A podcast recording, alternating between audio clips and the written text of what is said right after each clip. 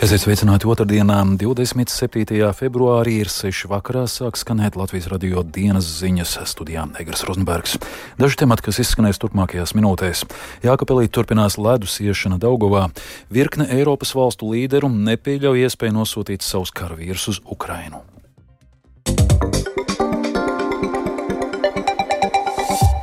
Jēkabīlī kopš vakara vakara turpinās ledus iešana Daugavā.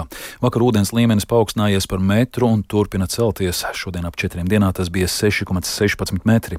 Plūdi pat labam skar lejpusi Jēkabīlī esošo, esošo sakas salu, kur no ārpasaules jau nošķirtas trīs mājas. Plašāk par situāciju informēja Jēkabīlas novada civilās aizsardzības inženieris Ilmārs Luksts.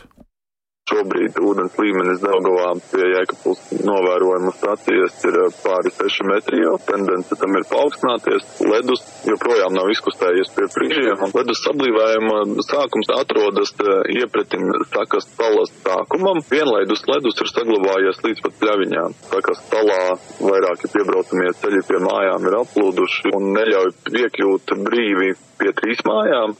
Viena no tām ir uzreiz pie sakas tilta labajā pusē, un iedzīvotāji evakuējās. Kritiskā vieta mums ir zvejnieku iela. Prognozējam, ka mēs spēsim norēģēt laicīgi, ja būs nepieciešams veikt pasākumus ūdens ierobežošanai.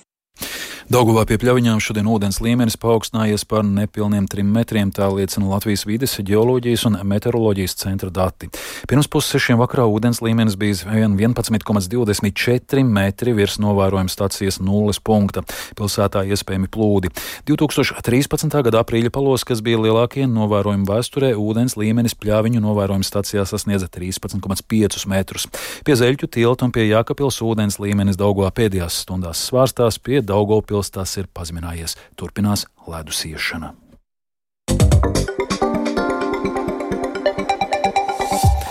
Eiropā diskusijas izsaucis Francijas prezidenta Emanuela Makrona paziņojums, ka rietumvalstis varētu nosūtīt savus zemes karaspēku uz Ukrainu, lai nepieļautu Krievijas uzvaru karā. Atsevišķas valstis jau noraidījušas šādu ideju. Tikmēr ASV turpinās politiskās cīņas ap papildu militāro palīdzību Ukrainai. Prezidents Joe Bidenis šodien uz Balto namu ielūdzis kongresa līderus, lai mēģinātu pārliecināt viņus beidzot apstiprināt palīdzību, bez kuras Ukrainai būs grūti aizsargāties. Plašāk Ulda Ķēzbera sagatavotajā sižetā.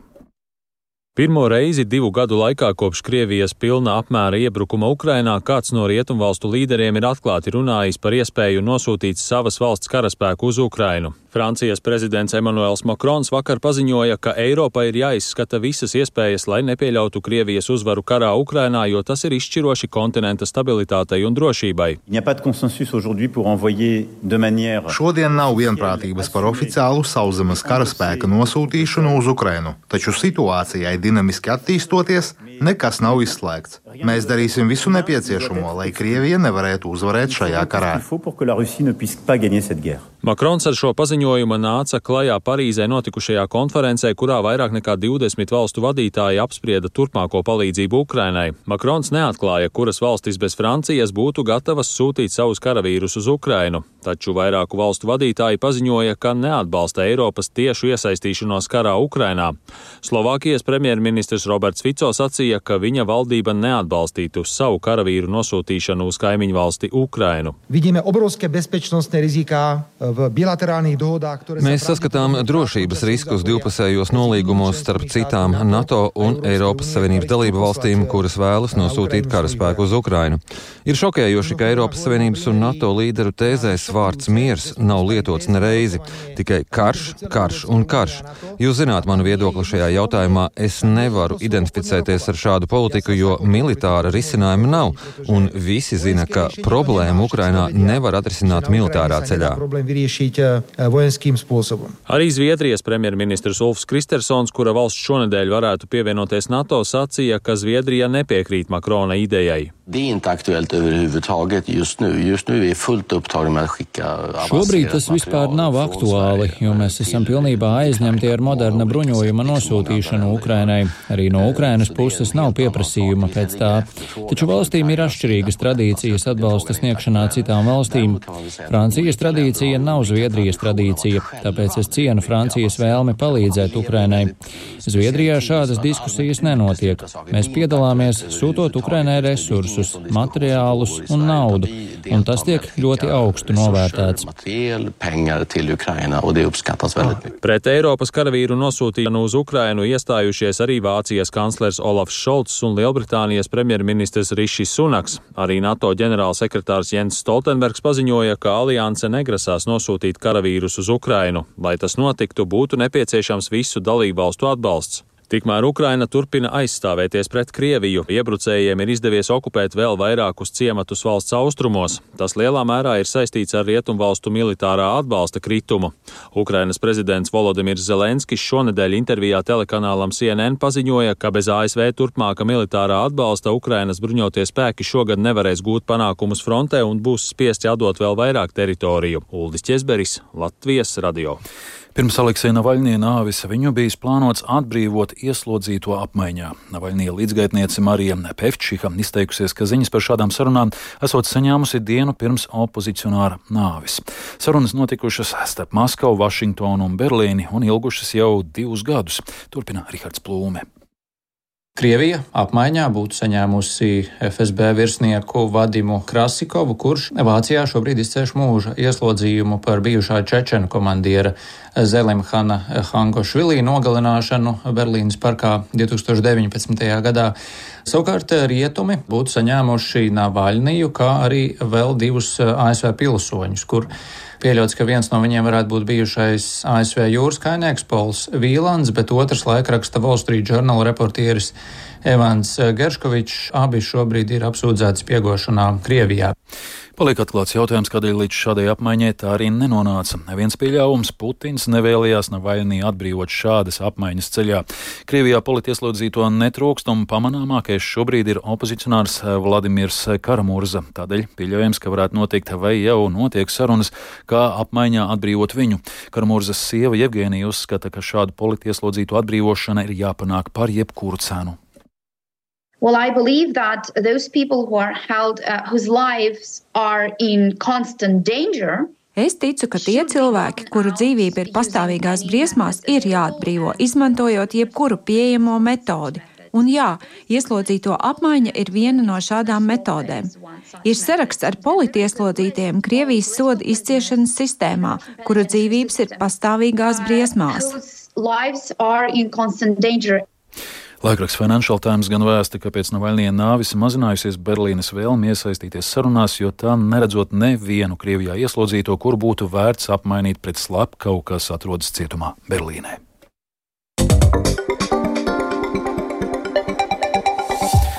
Satiksmes ministrs un uzņēmuma pasažieru vilciens vadības savos amatos paliks. Tāds ir secinājums pēc valsts prezidenta un satiksmes ministra Kaspara Briškena no progresīvajiem šodienas tikšanās, kurā viens no aktuālākajiem jautājumiem bija, vai par jauno elektrovilcienu gauzo gauso ieviešanu atbildīgiem vajadzētu atstāt krēslus. Pēc uzklausītiem paskaidrojumiem valsts prezidents Edgars Rinkevičs līdz martā vidum sagaidot izvērtējumu par pasažieru vilciena valdes atbildību. Ko par to saka uzņēmumā pasažieru vilciens plašāk Viktora Demido ierakstā. Satiksmes ministrs Kaspars Briškens no progresīvajiem uzsvēra, ka pat labam svarīgākais ir nodrošināt maršrutu nepārtrauktību. Tagad vilcienus apretē atgriež pēc jaunas metodes. Vispirms novērš defektus, tad veids dinamiskās pārbaudes, nobraucot simtiem kilometru, un tikai tad tos pakāpeniski ievieš satiksmē. Padomas kompetencē ir tālāk vērtēt valdes atbildību. Paralēli ir uzsākts ilgtermiņa procesu izpētes audits, ir izveidota darba grupa finalizēts kopējais darba uzdevums, un tad kopā ar ārēju pakalpojumu sniedzēju tiks veikts uh, visa procesa audits, sākot no vilciena iepirkuma pašiem pirmsākumiem. Un jūs? Amatā paliksiet? Man ir tik daudz eh, darba priekšā, kad ir jāturpina šobrīd uzsāktais darbs visās jomās. Pagājušajā nedēļā platformā X valsts prezidents Edgars Rinkēvičs ierakstīja, ja neripo vilcieni, tad jāripo galvām. Tā viņš reaģēja uz ziņu, ka pasažierus var pārvadāt vien 40% no jaunajiem elektrovilcieniem. Šodien pēc sarunas ar ministru viņš rakstiski norādīja, ka krīze ir nekavējoties jāatrisina. Paralēli jāizvērtē, kā līdz šādai situācijai ir nonākuši. Tādēļ līdz marta vidum, sagaidot problēmu novēršanu un pasažieru vilciens valdes atbildības izvērtējumu. Viņa prāt šī situācija izgaismo arī daudz plašākas un sistemātiskas problēmas valsts lielajos iepirkumos un to pārvaldībā. Pasažieru vilciena valdi var atcelt tikai uzņēmuma padomi, kas mēnesi darbojas jaunā sastāvā. Kā viņi vērtē valdes darbu, Latvijas radio rakstiski atbild jaunās padomas vadītājs Artis Grinbergs. Viņa atbildi ierunā kolēģis. Padomu šobrīd vēl vērtē pasažieru vilciens valdes atbildību un rīcību. Viens no valdes darba vērtēšanas kritērijiem ir jauno elektrovilcienu 95% pieejamības nodrošināšana līdz 9. martam. Plašāka informācija par pasažieru vilciens valdes darba izvērtējumu sekos pēc novērtējuma pabeigšanas. Latvijas radio noskaidroja, ka nepilnas nedēļas laikā situācija ar jaunajiem elektrovilcieniem ievērojami uzlabojusies. No 17 sastāviem pasažierus ir gatavi pārvadāt 12, jeb 70%. Atlikušos piecus sastāvus pārbauda, pauž uzņēmuma pārstāvis Edgars Butāns, norādot, ka visiem sastāviem ierindā jābūt līdz mārta vidum. Pienākums dubultā pārliecināties, vai attiecīgi tiem vilcieniem, kuriem šie defekti ir novērsti, vai viņi tiešām ir uzticami un šie defekti neatkārtojas. Marta pirmajā dekādē visus 17 sastāvus nevarētu jau palaist. Tas būs atkarīgs no tā, kā šiem atlikušajiem pieciem sastāviem ies pārbaudēs. Pat labam Škoda savu solījumu pilda. Škoda sadarbojās. Pašlaik defekti no Škodas puses ir novērsti visiem līdz šim piegādātājiem vilcieniem. Plašāka informācija par jaunajiem elektrovilcieniem gaidāma 8. martā, kad atbildīgie taisās rīkot preses konferenci. Viktors Demidovs, Latvijas radio.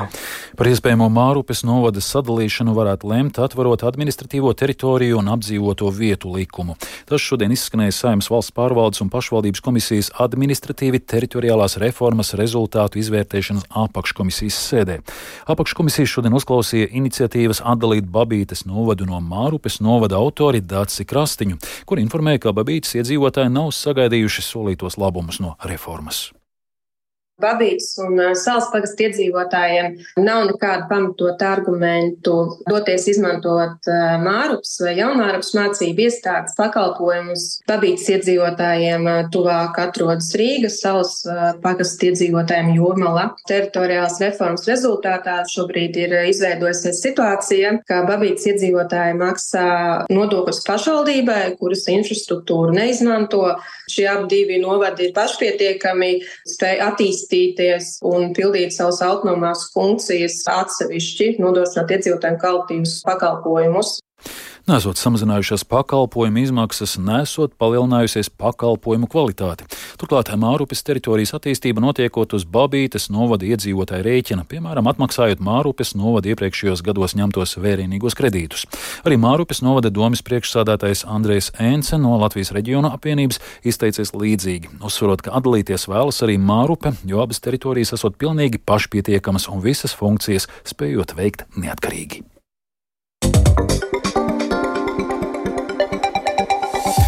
Pēc deviņiem gadiem Latvijas hokeja izlasē kā galvenā trenera asistents Artis Ābols šo pavasaru vairs nebūs uz valsts vienības soliņa. Gaidāmajā pasaules čempionātā Harijam Vītoliņam asistēs jauns somu speciālists. Kāds būs trenera korpuss gaidāmajā pasaules hokeja čempionātā, stāsta Lotārs Zariņš. Galvenajam trenerim Harijam Vitoļņam turpinās asistēt Lauris Dārziņš, Artūrs Irbe, Pēteri Numelins, Raimons Vilkoits, bet ar tā bolu vietā būs somu treneris Ville Peltunens. Speciālists trešo sezonu vada Somijas augstākās līgas komandu Helsinku HIFK. 2006. gadā kā spēlētājs viņš tika iekļauts Starptautiskās hokeja federācijas slavas zālē. Te 400 spēles aizdījis NHL, pasaules čempionātos ticis arī pie visa kaluma medaļām, kā arī četras reizes piedalījies Omskajā spēlēs. Līdz šim trenera karjerā par asistentu strādājis arī Somijas un Vācijas izlasēs. Tikmēr Latvijas hokeja izlase gatavošanos pasaules čempionātam uzsāks 1. aprīlī. Izskan Latvijas radio dienas ziņas, producents Viktors Pupiks, ierakstus montēja Kaspars Groskops, par labskaņu rūpējās Rīta Karneča, studijā Negars Rozenbergs. Vēlreiz īsumā par svarīgāko. Jākapilī turpinās ledus iešana Daugovā, virkne Eiropas valstu līderu nepieļauj iespēju nosūtīt savus karavīrus uz Ukrainu. Vēl tikai par laikapstākļiem.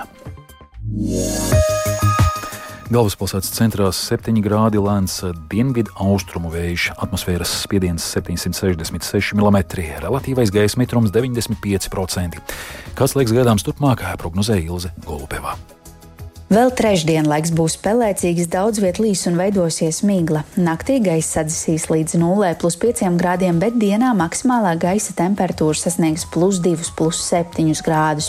Bet jau sākot ar ceturtdienu nokrišņu būs mazāk, debesis skaidrosies biežāk, naktis gan vēl būs dzestras, bet pakāpeniski tuvojoties nedēļas izskaņai dienas kļūs arvien siltākas un termometra stabiņš atkal pārsniegs plus 10 grādu atzīmi.